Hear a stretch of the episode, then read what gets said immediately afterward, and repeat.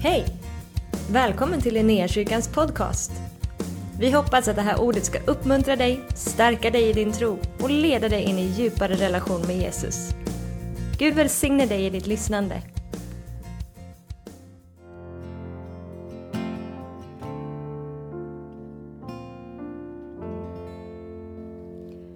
Nu ska vi läsa bibeltexten som Jakob kommer att predika utifrån.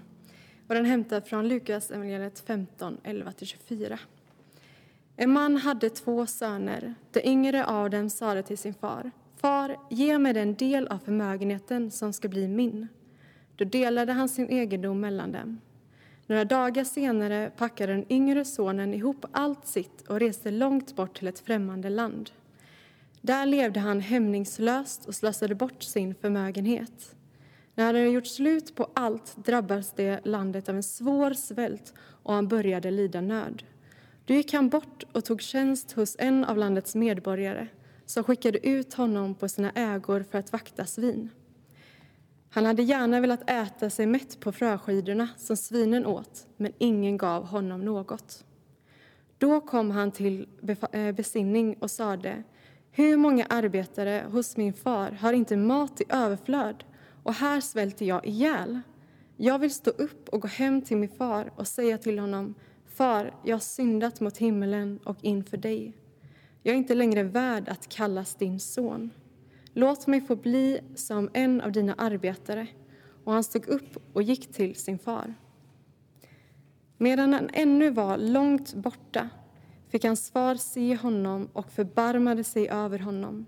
Fadern skyndade fram, omfamnade honom och kysste honom. Sonen sade till honom, Far, jag har syndat mot himmelen och inför dig. Jag är inte längre värd att kallas din son. Men fadern sade till sin tjänare, skynda er, ta fram den finaste dräkten och klä honom och sätt en ring på hans finger och skor på hans fötter och hämta gödkalven och slakta den. Nu ska vi äta och fira, för min son var död, men nu fått liv igen. Han var förlorad, men är återfunnen. Och festen började.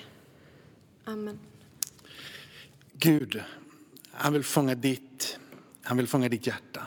Eh, precis så som vi hörde Elias i sitt vittnesbörd så vill Gud fånga ditt hjärta. Sättet som Jesus vara med människor eh, skiljer sig på många sätt. Eh, på sättet som du och jag umgås med människor. Vi umgås med dem som är lika oss. Men Jesus umgicks med dem som var olik honom. Ehm, det står i Bibeln att de flockade sig runt omkring honom, mer eller mindre skatteindrivarna, de som var syndare, de kom och de var runt omkring Jesus. Dessa två grupper, grupper symboliserar eh, utanförskap. Men Jesus rörde sig mitt ibland dem. Han fick till och med kritik ifrån de skriftlärda för att han umgicks med syndare. De som inte var som Jesus, de gillade Jesus. De var olika honom men de gillade honom. En sak utav många saker som är unikt med Jesus är att Jesus umgås med de som inte är som han. Människor som inte var som Jesus hade faktiskt en, skulle jag vilja säga, nästan som en trend, eller i alla fall till en tendens att röra sig emot honom. Jag tror att det var på grund av Jesus sätt att vara. Jesus hade inte anseende till person. Vi, i alla fall jag, möjligtvis kanske inte du, men jag har väldigt lätt att kategorisera människor. Man säger lätt de där, de där rika eller de fattiga. En del kanske till och med säger de där religiösa, de där feministerna eller de där som är så hårda de där trendiga, listan kan göra ändlös. Men Jesus möter människor på ett helt annat sätt. Han kategoriserar inte människor utan han identifierar sig med människor. Alltså Jesus möter människan där hon är. Jesus undervisar eh, och med sitt liv visar han hur Gud värderar människor. Alla människors lika värde. Jesus är unik på så många sätt. Han uppsöker det som är förlorat. När vi förlorar någonting så väcker det känslor. Just nu så har du kanske inte någon direkt känsla liksom för din mobiltelefon. Möjligtvis om den är helt ny så känner du euforia över att mobilen är ny. Men många har haft en mobiltelefon länge eller man har haft den ett Det finns inga speciella känslor. Men så fort du tappar bort din mobiltelefon så är det som om att alla känslor kommer på en och samma gång, som låten säger. Alltså, när du förlorar någonting så kommer ett gäng känslor till liv. Du förlorar någonting och när du hittar den så blir du totalt överlycklig och sprudlande över att du har hittat den. Man skulle faktiskt kunna säga att mycket känslor finns det djupt i människan angående det som är förlorat men också hittat. I den berättelse som Linn läste om den förlorade sonen, eller som det verkligen är, den återfunne sonen, så är det en berättelse om hur Gud finner glädje i det som är återfunnet. Berättelsen i Lukas 15 säger mycket om hur Gud vill fånga våra hjärtan. Hur han vill vara i en relation med oss. Och att han är villig att betala vilket pris som helst för det. Sonen i den här berättelsen, han ville ha arvet nu. Han ville inte vänta. Eh, han ville bort ifrån sin far, han ville bort ifrån sitt hem. Han ville bort ifrån tryggheten. Jo, han värderade pengar. Pengar på ett bankkonto mer än en nära relation med sin far. Han ville ha arvet nu. Han kanske sa tack för allting jag har fått, men nu vill jag ha allt som är mitt. Vad säger det här om sonen?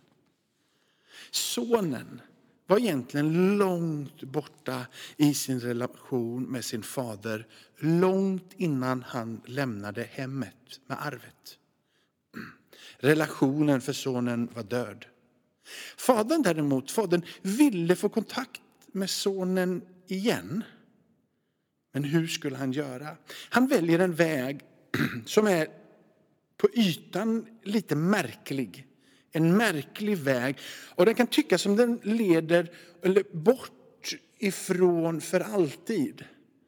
Men på något förunderligt sätt så är denna märkliga väg som Fadern väljer en väg tillbaka in i en relation.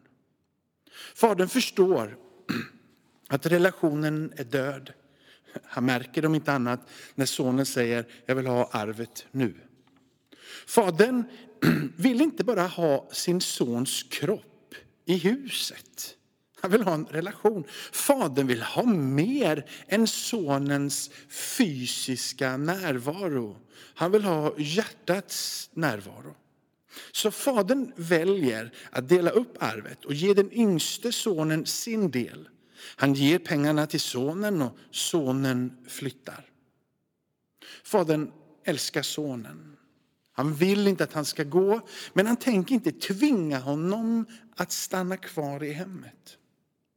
Lite senare i berättelsen så märker vi sonen har slösat bort allt.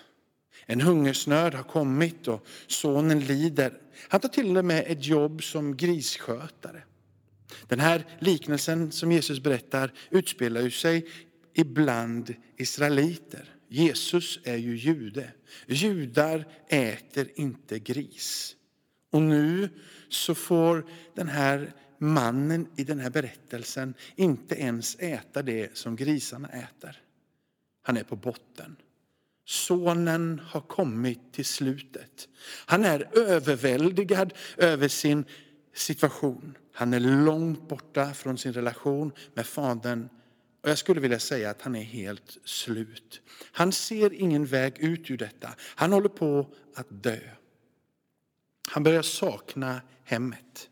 Och han ställer sig frågan, saknar hemmet mig?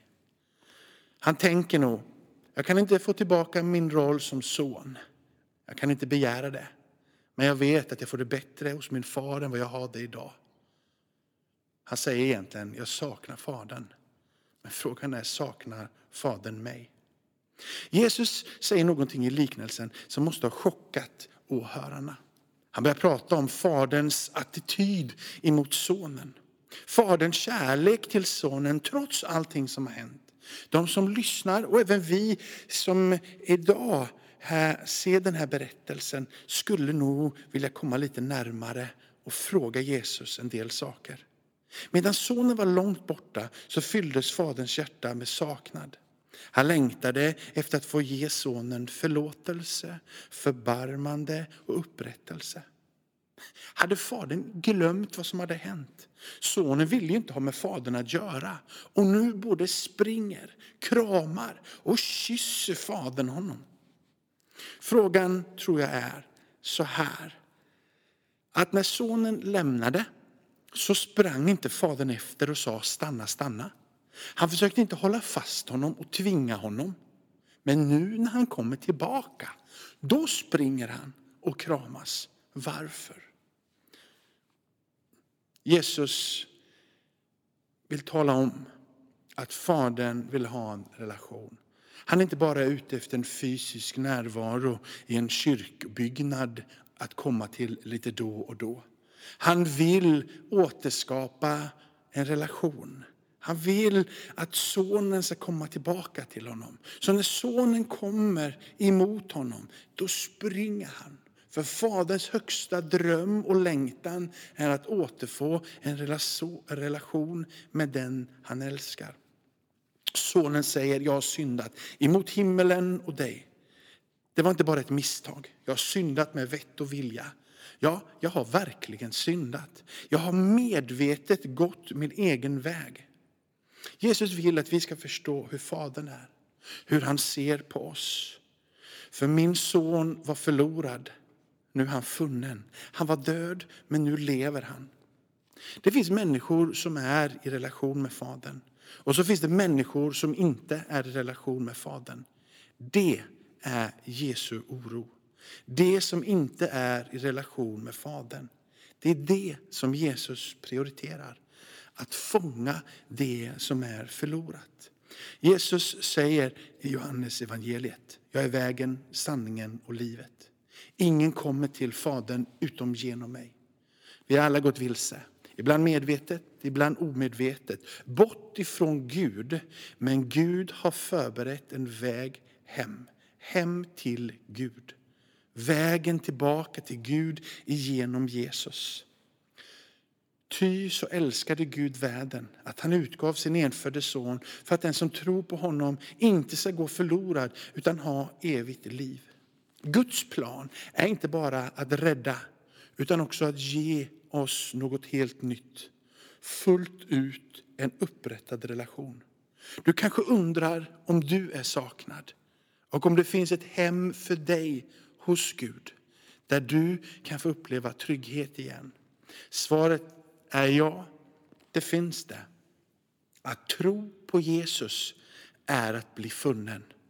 Funnen av Gud genom Sonen. Amen.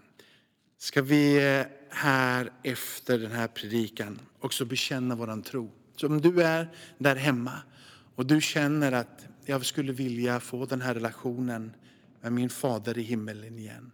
Allt livs skapare. Så eh, kan du bjuda in Jesus.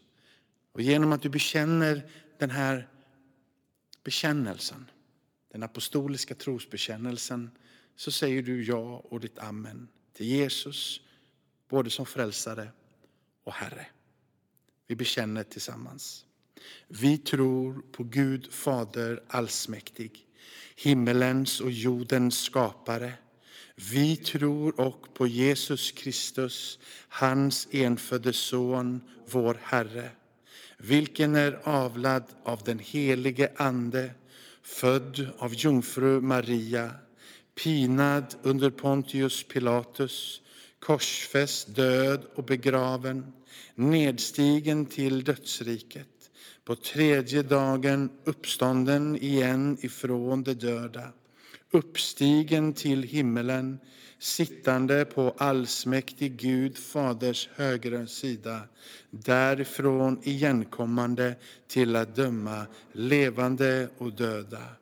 Vi tror och på den helige Ande, en helig allmännelig kyrka, det heliga samfund, syndernas förlåtelse, det dödas uppståndelse och ett evigt liv. Amen. Tack för att du har varit med oss. Hoppas du känner dig inspirerad av Guds ord och har fått nya perspektiv. Hör gärna av dig till oss och berätta om Gud har rört vid dig på något sätt. Vi är så glada att få höra vittnesbörd om vad Gud gör. Du kan mejla oss på adressen info och dit kan du även mejla om du har ett böneämne som du önskar att vi ber för. Eller om du har tagit emot Jesus och inte har någon bibel så vill vi mer än gärna skicka en bibel till dig. Skicka ett mejl med ditt namn och dina adressuppgifter till info så ser vi till att du får en. Om du vill ge en gåva till Linnéakyrkans arbete för att nå fler människor med evangelium så kan du swisha till 123 520 0993. Du kan också besöka oss på linneakyrkan.se för att få mer information. Välkommen tillbaka att lyssna snart igen.